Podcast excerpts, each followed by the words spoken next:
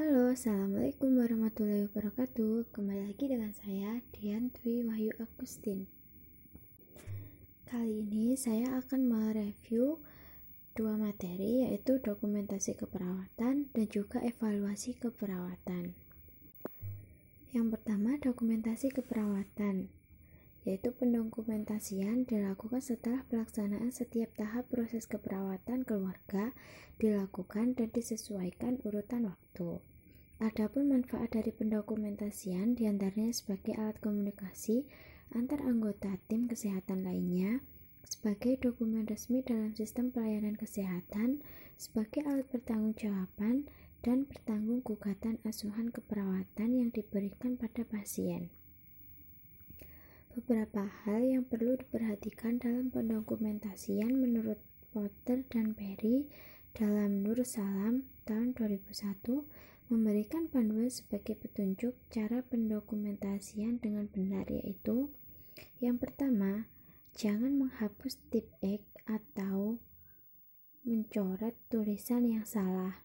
Cara yang benar adalah dengan membuat satu garis pada tulisan yang salah tulis kata salah lalu di paraf kemudian tulis catatan yang benar. Yang kedua, jangan menulis komentar yang bersifat mengkritik klien ataupun tenaga kesehatan lain. Tulislah hanya uraian objektif perilaku klien dan tindakan yang dilakukan oleh tenaga kesehatan. Yang ketiga, koreksi kesalahan segera mungkin.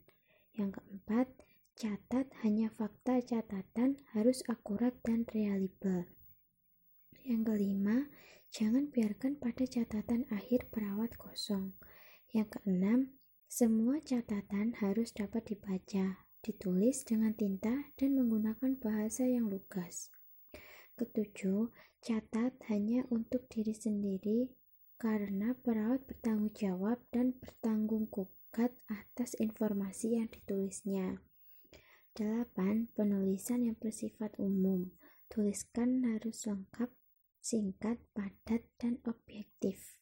Kesembilan, mulailah mencatat dokumentasi dengan waktu dan diakhiri dengan tanda tangan. Dengan demikian, dokumentasi keperawatan harus bersifat objektif, akurat, dan menggambarkan keadaan klien serta apa yang terjadi pada diri klien, sehingga apabila diperlukan, dokumentasi ini dapat menunjukkan bahwa perawat telah mencatat dengan benar dan tidak bertentangan dengan kebijakan atau peraturan institusi pemberi pelayanan kesehatan. Pengertian dokumentasi yaitu Dokumentasi merupakan pernyataan dari kejadian atau aktivitas yang otentik dengan mempertahankan catatan-catatan yang tertulis. Manfaat dokumentasi menurut Allen tahun 1998 antara lain yang pertama sebagai wahana komunikasi antar tim keperawatan dan dengan tim kesehatan lain. Yang kedua sebagai bagian yang permanen dari rekaman medik. Yang ketiga, sebagian dokumen yang legal dan dapat diterima di pengadilan. Prinsip-prinsip dokumentasi menurut Allen 1998 yaitu tersedia format untuk dokumentasi. Dokumentasi dilakukan oleh orang yang melakukan tindakan atau mengobservasi langsung Dokumentasi dibuat segera setelah melakukan tindakan. Catatan dibuat kronologis. Penulisan singkat dilakukan secara umum, mencantumkan tanggal, waktu, tanda tangan, dan inisial penulis. Dokumentasi akurat, benar, komplit, jelas, dapat dibaca dan ditulis dengan tinta.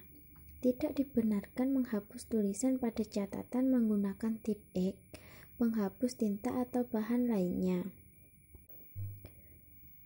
Lembar pengkajian Lembar pengkajian dengan jelas menggambarkan data-data yang perlu dikumpulkan.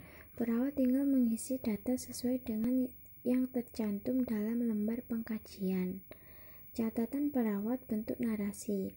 Deskripsi informasi klien dalam bentuk naratif catatan bentuk SOAP Pencatatan SOAP digunakan dengan catatan medik yang berorientasi pada masalah klien atau problem oriented medical record yang menggambarkan kemajuan klien yang terus-menerus ke arah resolusi masalah.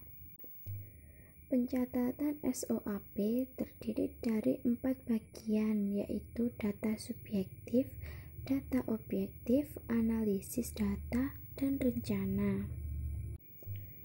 Data subjektif ditulis dalam tanda kutip tentang keluhan klien yang dicatat yaitu data yang dapat dilihat, didengar, dan dirasa oleh perawat.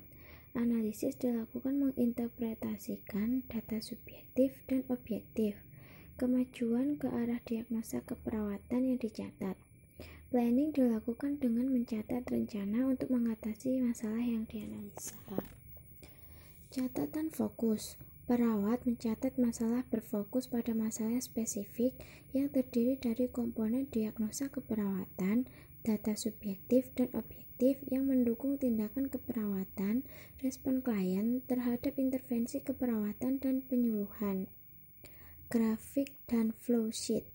Catatan flowsheet dan grafik menggambarkan data berulang klien yang harus senantiasa dipantau oleh perawat seperti nadi, tekanan darah, obat-obatan, masukan dan pengeluaran.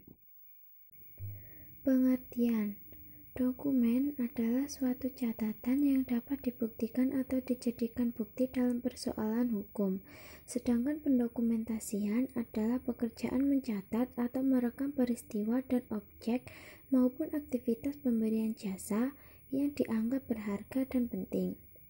Dokumentasi asuhan dalam pelayanan keperawatan dan kebidanan adalah bagian dari kegiatan yang harus dikerjakan oleh perawat dan bidan setelah memberi asuhan kepada pasien.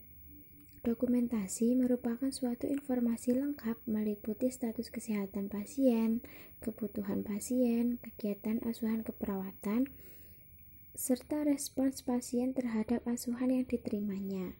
Dengan demikian, dokumentasi keperawatan mempunyai porsi yang besar dari catatan klinis pasien yang menginformasikan faktor tertentu atau situasi yang terjadi selama asuhan dilaksanakan. Di samping itu, catatan juga dapat sebagai wahana komunikasi dan koordinasi antar profesi atau interdisipliner yang dapat dipergunakan untuk mengungkap suatu fakta aktual untuk dipertanggungjawabkan. Dokumentasi asuhan keperawatan merupakan bagian integral dari asuhan keperawatan yang dilaksanakan sesuai standar. Dengan demikian, pemahaman dan keterampilan dalam menerapkan standar dengan baik merupakan suatu hal yang mutlak bagi setiap tenaga keperawatan agar mampu membuat dokumentasi keperawatan secara baik dan benar. Pendokumentasian Umumnya, catatan pasien berisi informasi yang mengidentifikasi masalah, diagnosa keperawatan dan medik, respon pasien terhadap asuhan keperawatan yang diberikan, dan respon terhadap pengobatan, serta berisi beberapa rencana untuk intervensi lebih lanjutan. Keberadaan dokumentasi, baik berbentuk catatan maupun laporan, akan sangat membantu komunikasi antara antara sesama perawat maupun disiplin ilmu lain dalam rencana pengobatan. Komponen model dokumentasi keperawatan. Kegiatan konsep pendokumentasian meliputi satu dokumentasi, yang kedua dokumentasi proses keperawatan, yang ketiga standar dokumentasi. Tujuan utama dokumentasi yaitu satu mengidentifikasi status kesehatan klien dalam rangka mencatat kebutuhan klien, merencanakan, melaksanakan tindakan keperawatan, dan mengevaluasi tindakan. Yang kedua, dokumentasi untuk penelitian, keuangan, hukum, dan etika. Manfaat dan pentingnya dokumentasi keperawatan. Dokumentasi keperawatan mempunyai makna yang penting bila dilihat dari berbagai aspek. Satu, Bila terjadi suatu masalah yang berhubungan dengan profesi keperawatan, di mana perawat sebagai pemberi jasa dan klien sebagai pengguna jasa, maka dokumentasi diperlukan sewaktu-waktu. Dokumentasi tersebut dapat dipergunakan sebagai barang bukti di pengadilan. Yang kedua, jaminan mutu. Pencatatan data klien yang lengkap dan akurat akan memberikan kemudahan bagi perawat dalam membantu menyelesaikan masalah klien. Dan untuk mengetahui sejauh mana masalah klien dapat teratasi dan seberapa jauh masalah baru dapat diidentifikasi dan dimonitor melalui catatan yang akurat. Komu yang ketiga, komunikasi. Dokumentasi keadaan klien merupakan data perekam terhadap masalah yang berkaitan dengan klien. Perawat atau tenaga kesehatan lain akan bisa melihat catatan yang ada dan sebagai alat komunikasi yang dijadikan pedoman dalam memberikan asuhan keperawatan. Yang keempat, keuangan. Semua tindakan keperawatan yang belum, sedang, dan telah diberikan dicatat dengan lengkap dan dapat digumamkan sebagai acuan atau pertimbangan dalam biaya keperawatan. Yang kelima, pendidikan.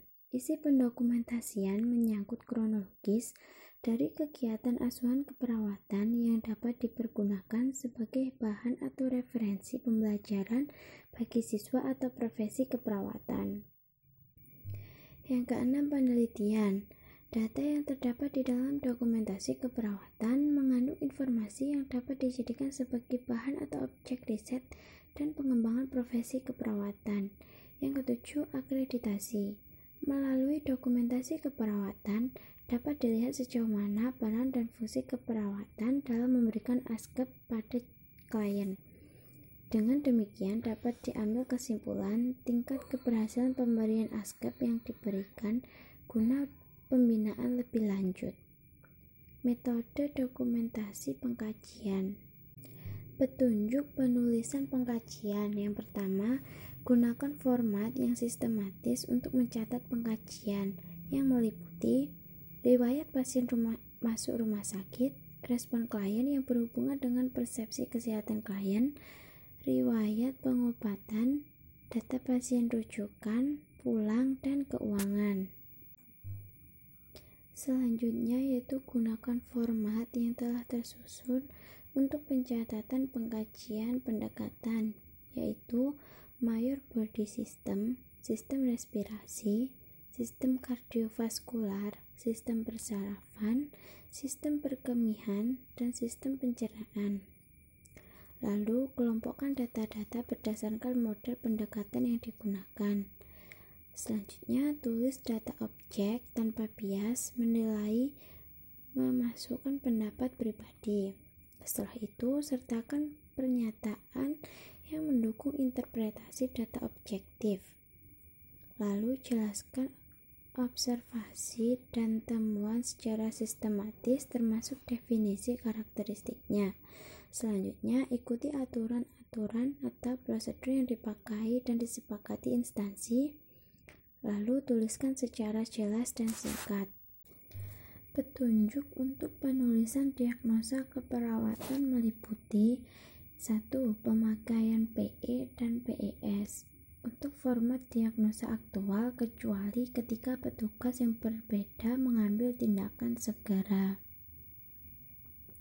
Yang kedua, catat diagnosa keperawatan potensial dalam sebuah problem atau format etiologi. Yang ketiga, pemakaian terminologi tetap dengan diagnosa keperawatan karangan nanda sehubungan dengan dan dibandingkan dengan di antara etiologi, saikin, dan sipton tergantung bahasa jika masalah tidak selesai menurut Nanda. Yang keempat, merujuk pada daftar yang dapat diterima bentuk diagnosa keperawatan untuk mencatat standar dalam saku atau ringkasan. Yang kelima, melalui pernyataan diagnosa dengan mengubah redaksinya ke dalam keadaan diagnosa keperawatan. Yang keenam, pastikan data mayor dan penunjang data minor. Karakteristik pendefinisian diperoleh dokumentasi sebagian pengkajian pasien untuk menegakkan diagnosa keperawatan. Yang ketujuh, pernyataan awal dalam perencanaan keperawatan di daftar masalah dan nama dokumentasi dalam catatan perawatan. Yang kedelapan, hubungan pada tiap-tiap diagnosa keperawatan bila merujuk dan memberikan laporan perubahan. Yang kesembilan, siap bergantian jaga perawat Gunakan diagnosa keperawatan sebagai pedoman untuk pengkajian, tindakan, dan evaluasi. Ke-10, catat bahan perawatan adalah dasar untuk pertimbangan dari langkah-langkah proses keperawatan. Yang ke-11, pencatatan semua diagnosa keperawatan harus merefleksikan dimensi dalam masalah yang berorientasi pada pencatatan perawat. Ke-12, suatu agenda atau pencatatan mungkin memerlukan untuk membuat diagnosa keperawatan dan sistem pencatatan yang relevan. Dokumentasi rencana tindakan Rencana tindakan keperawatan mencakup tiga hal meliputi satu diagnosa keperawatan, yang kedua kriteria hasil, yang ketiga rencana tindakan keperawatan. Petunjuk penulisan rencana tindakan yang efektif. 1. Sebelum menuliskan rencana tindakan, kaji ulang semua data yang ada sumber data yang meliputi pengkajian sewaktu klien masuk rumah sakit, diagnosa keperawatan sewaktu masuk rumah sakit, keluhan utama klien atau alasan dalam berhubungan dengan pelayanan kesehatan sampai dengan observasi dari tim kesehatan lainnya. Yang kedua, daftar dan jenis masalah aktual risiko dan kemungkinan. Yang ketiga, untuk mempermudah dan bisa dimengerti dalam rencana tindakan, berikanlah gambaran dan ilustrasi. Yang keempat, tuliskan dengan jelas, khusus, terukur kriteria hasil yang diharapkan untuk menetapkan masalah bersama dengan klien tentukan keterampilan kognitif, afektif, dan psikomotor yang memerlukan perhatian. Kelima, selalu ditandatangani dengan diberi tanggal rencana tindakan. Yang keenam, mulai rencana tindakan dengan menggunakan action verb. Yang ketujuh, alasan prinsip specificity untuk menuliskan diagnosa keperawatan. Yang kedelapan, tuliskan rasional dan rencana tindakan. Rencana tindakan harus selalu tertulis dan ditandatangani. Rencana tindakan harus dicatat sebagai hal yang permanen. Klien dan keluarganya jika memungkinkan diikut sertakan dalam perencanaan. Dokumentasi intervensi atau tindakan keperawatan. Perencanaan dan tindakan keperawatan adalah tahap dalam proses keperawatan berdasarkan masalah aktual dari klien. Maksud dokumentasi adalah menemukan secara tepat sebagai gambaran intervensi keperawatan yang meliputi intervensi terapeutik. Tindakan terapeutik adalah asuhan keperawatan yang langsung sesuai dengan keadaan klien.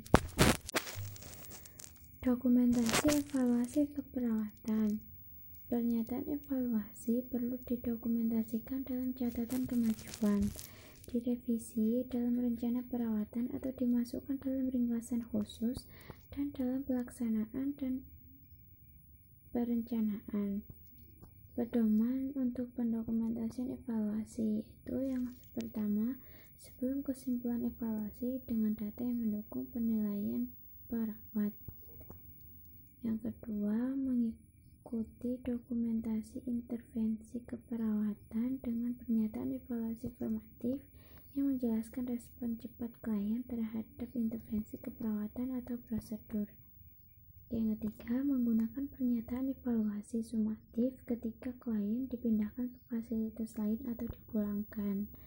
Yang keempat, catatan evaluasi sumatif untuk setiap hasil yang diharapkan diidentifikasikan pada perencanaan keperawatan klien bisa berjalan 500 kaki dan menaiki 12 tangga tanpa bantuan. Yang kelima, menulis pernyataan evaluasi yang merefleksikan keadaan perkembangan klien terhadap tujuan. Yang keenam, melalui suatu penilaian atau modifikasi intervensi, mengawali dan mendokumentasikan respon perawat untuk mengubah kondisi klien. Materi kedua adalah evaluasi keperawatan.